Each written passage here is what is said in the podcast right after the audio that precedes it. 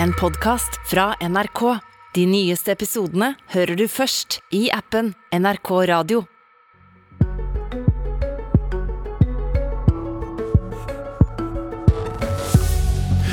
Elevene de gleder seg, det regner vi med i hvert fall. Men et læreropprør er på vei, får vi høre. Nye koronaregler med karantene i fritiden var bøtta som fikk begeret til å renne over for lærerne, sier Utdanningsforbundet. Noen startet i går, men mange steder i landet åpner lærerne i dag dørene for den første skoledagen i 2022. Og mange lærere de gleder seg nok til å se igjen eh, elever og barnehagebarna sine. Men mange er også dypt frustrerte når de nå tar fatt på nok et koronahalvår de frykter vil ta fritiden fra dem. Steffen Andal, leder i Utdanningsforbundet, godt nyttår. Takk for det. Dere opplever et opprør blant lærerne, sier du? Ja.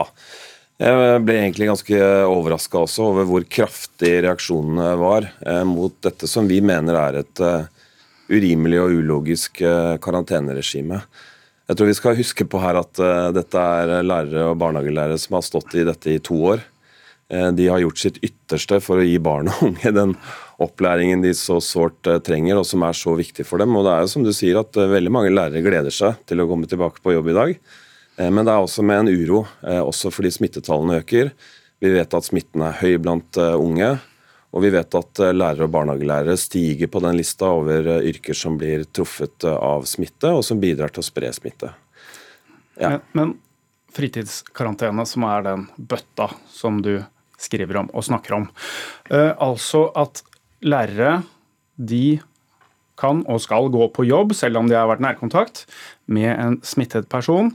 Eh, men i fritiden så skal de holde seg ganske så isolert. Hva er det som er så spes med det?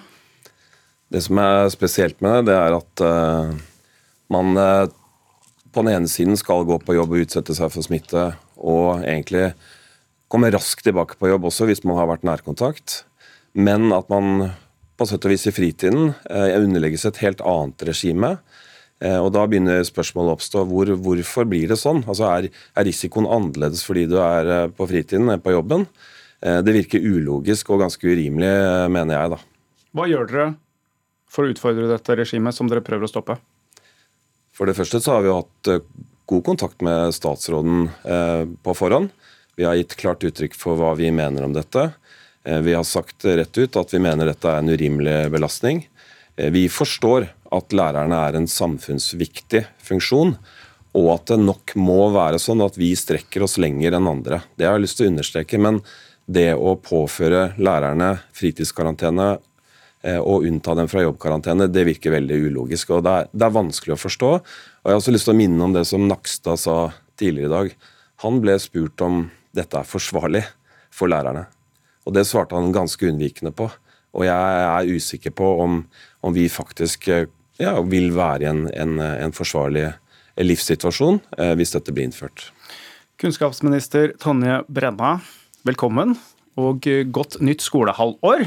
Eh, fin dag for elevene og barnehagebarna i dag, i hvert fall. da. Det er det, tror jeg. Mange gleder seg å komme tilbake til ferien. Ja. Hører lærere som sier at dette tror jeg ikke er forsvarlig. At det er krevende og har vært krevende for ansatte i skole og barnehage over lang tid, det er det ikke tvil om, og det anerkjenner vi fullt ut.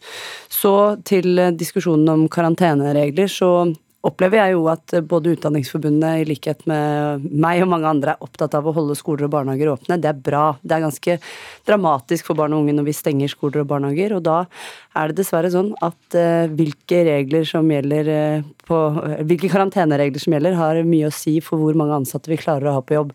Så er det viktig å si at i dag er det sånn at alle i Norge kan teste seg tilbake på jobb dag tre hvis de har vært i kontakt med nærkontakt, eller hatt en nærkontakt som har fått påvist smitte. mens for ansatte i skole og barnehage så gjelder det fra dag én.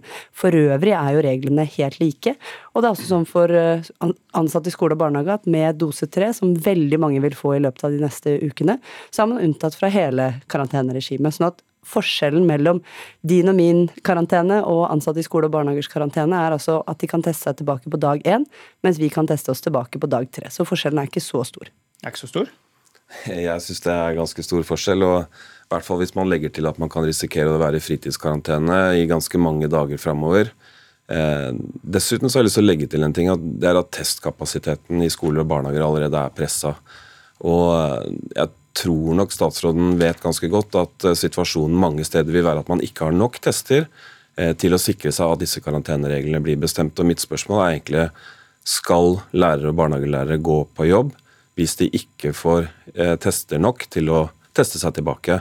Eh, det er det ene. Det andre er at ja, ok, Ta det kan ta det første. først. Nei, det, det som er helt klart i bestemmelsen, er jo at eh, det at man kan teste seg tilbake til jobb dag én, er at man er en del av et såkalt testregime. Så det er jo en forutsetning for dette. Og jeg vet jo at Utdanningsforbundet har vært veldig opptatt av Så hvis det ikke er nok tester, så Nei, man må teste seg tilbake på jobb dag én. Man kan ikke bare møte opp på jobb dag én, for å si det sånn, hvis man er i karantene. Du må ha negativ test for å komme på jobb.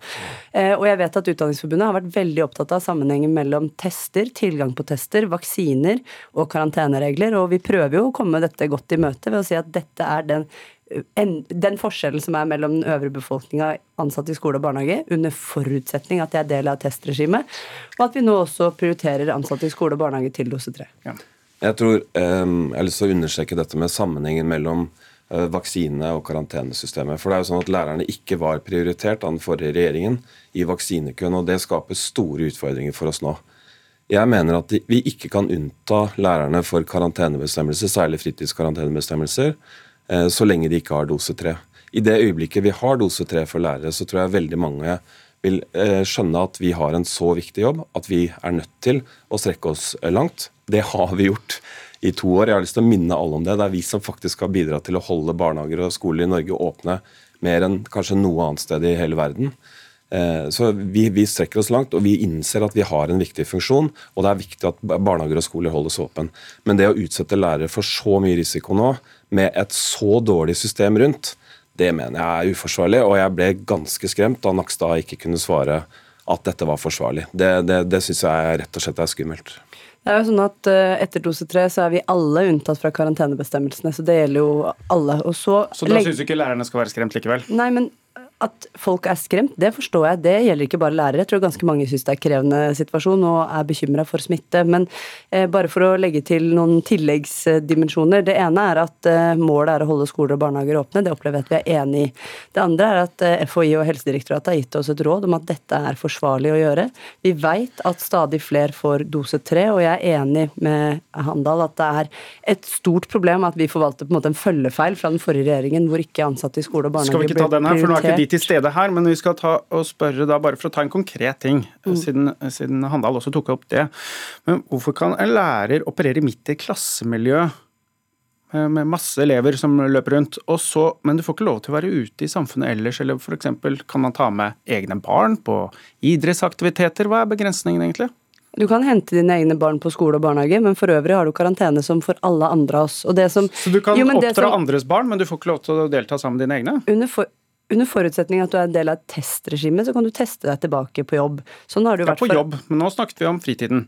Jo, men hvis vi bare lytter resonnementet ut, da. fordi at kritikken mot at man er i karantene når man ikke er på jobb, er jo todelt. Det ene er de som er bekymret for at det blir mer smitte, og det andre er de som opplever det som urimelig. Det siste kan jeg i og for seg forstå, men hvis kritikken er at man har lyst til å bidra til å ta smittetallene ned, så hadde det jo heller ikke hjulpet å unnta fra karantene på fritiden. Den eneste forskjellen mellom karantenereglene for skoler, ansatte i skoler og barnehager og resten av oss, er at man kan teste seg tilbake på dag én. Skolene skal være del av testregimer i det videre, og fra uke tre så vil det være mange millioner flere selvtester distribuert ut til norske kommuner, og dermed også norske skoler. Handal, du har sagt du vil utfordre, dere vil utfordre den fritidskaranteneordningen juridisk. Hva, hva gjør dere? Nei, Vi sjekker ut det juridiske, og det gjør vi med våre jurister. Men eh, Jeg tror det er ulovlig? Nei, Jeg vet ikke det. Jeg er ikke jurist, og jeg er ikke helt sikker på om, om jussen alene løser dette, for å si det mildt. Og jeg tror eh, det, jeg, ja, det jeg kanskje stusser litt på, da, det er liksom det opprøret som vi ser der ute.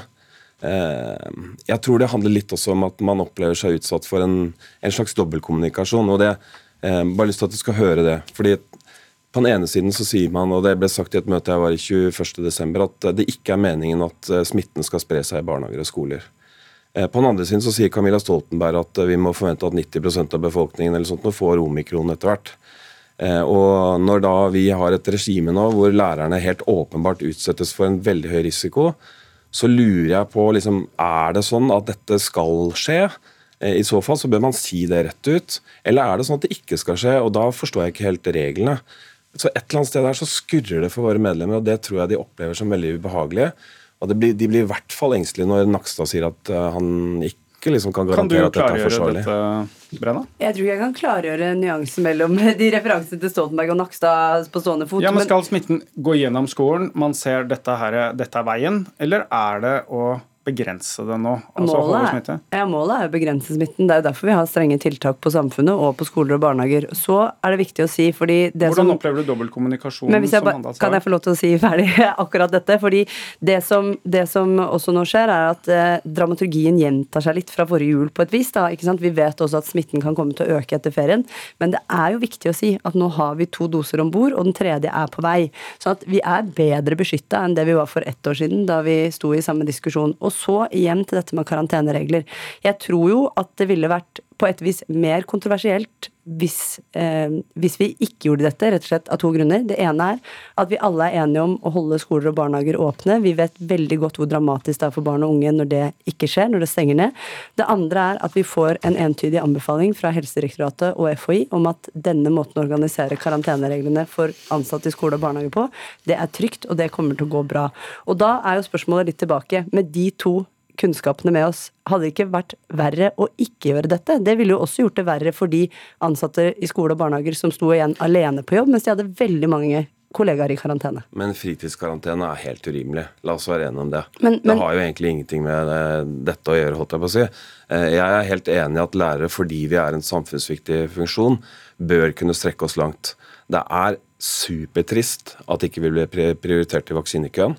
Eh, det er det som er hovedproblemet nå. Det andre problemet vi har, det er at testkapasiteten er skremmende lav.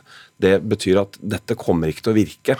Uansett om alle involverte gjør alt de kan, inkludert kommuner og kommuneoverleger, de har for få tester. Så dette kommer ikke til å funke. Men Handal, ja. når du sier dette funker ikke, dette for dårlig er for seint, hva vil dere egentlig gjøre da? Nei, Det er selvfølgelig veldig vanskelig. Jeg tror at vi er nødt til å innse at hvis vi kommer inn i et godt testregime, så vil lærere måtte kunne unntas jobbkarantene i gitte situasjoner. Og det er jo sånn at Man skal bare gjøre det hvis det er helt nødvendig. og Det er noen forutsetninger som skal på plass her. Det har jeg også lyst til at dere skal bidra til å kommunisere veldig tydelig ut. Jeg syns dette med fritidskarantener det bør vi vekk fra fortest mulig. Eh, og jeg tror også at Hvis vi da i tillegg sørger for at lærerne får vaksine så raskt som mulig, så vil vi kunne løse dette på sikt. Og vi skal fortsette å strekke oss så langt vi kan det som er litt av problemet, er at det som vurderes som forsvarlig, det er ofte knytta til rent, uh, rene vurderinger knytta til smitte. Men i, i, uh, i, skoler og barnehager så er arbeidsmiljøet et resultat av en totalvurdering.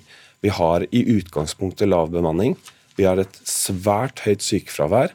Det betyr at de som er igjen på jobb, er utsatt for en enorm belastning. Og nå har de stått i dette i to år. Og jeg må si jeg er veldig bekymret for arbeidsmiljøet til våre medlemmer. Og jeg lurer virkelig på hvem er det som gjør vurderinger knytta til det. Arbeidsmiljøet er det jo arbeidsgiverne som har ansvaret for, det er kommuner og fylker. Så til dette med tester og vaksiner Men den var litt kjapp, kanskje, er det ikke det? Tross alt, det er jo pålegg fra regjeringen, smitteverntiltakene. Dette er nasjonale tiltak. Er det ikke litt lett å bare si at dette er arbeidsgiverne ute i kommunene som må håndtere arbeidsmiljøet, når det er pålegg fra dere? Nå har jo KS og Utdanningsforbundet med flere inngått en avtale om hvordan denne type overtid skal håndteres, så det er bra, og jeg håper at mange kommuner inngår den loka avtalen lokalt. Så er det viktig å si til dette med tester og vaksiner. Fra uke tre kommer vi til å ha veldig mange flere tester, så dette kommer til å bli bedre. Eh, og som sagt, man kan teste seg tilbake på jobb dag én under forutsetning at man er del av et testregime. Ikke sant? Det er ikke sånn at du kan være hjemme og føle deg frisk dag én.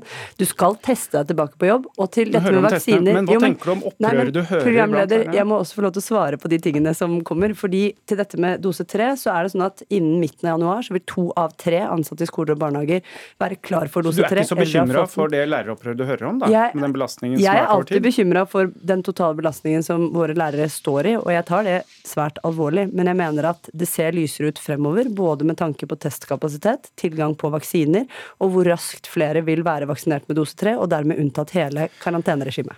Da hører vi i hvert fall at kunnskapsministeren mener det ser lyst ut framover. Da får vi ønske alle en god første skoledag i 2022. Takk til kunnskapsminister Tonje Brenna og leder i Utdanningsforbundet Steffen Handal. Jeg heter Trond Lydersen.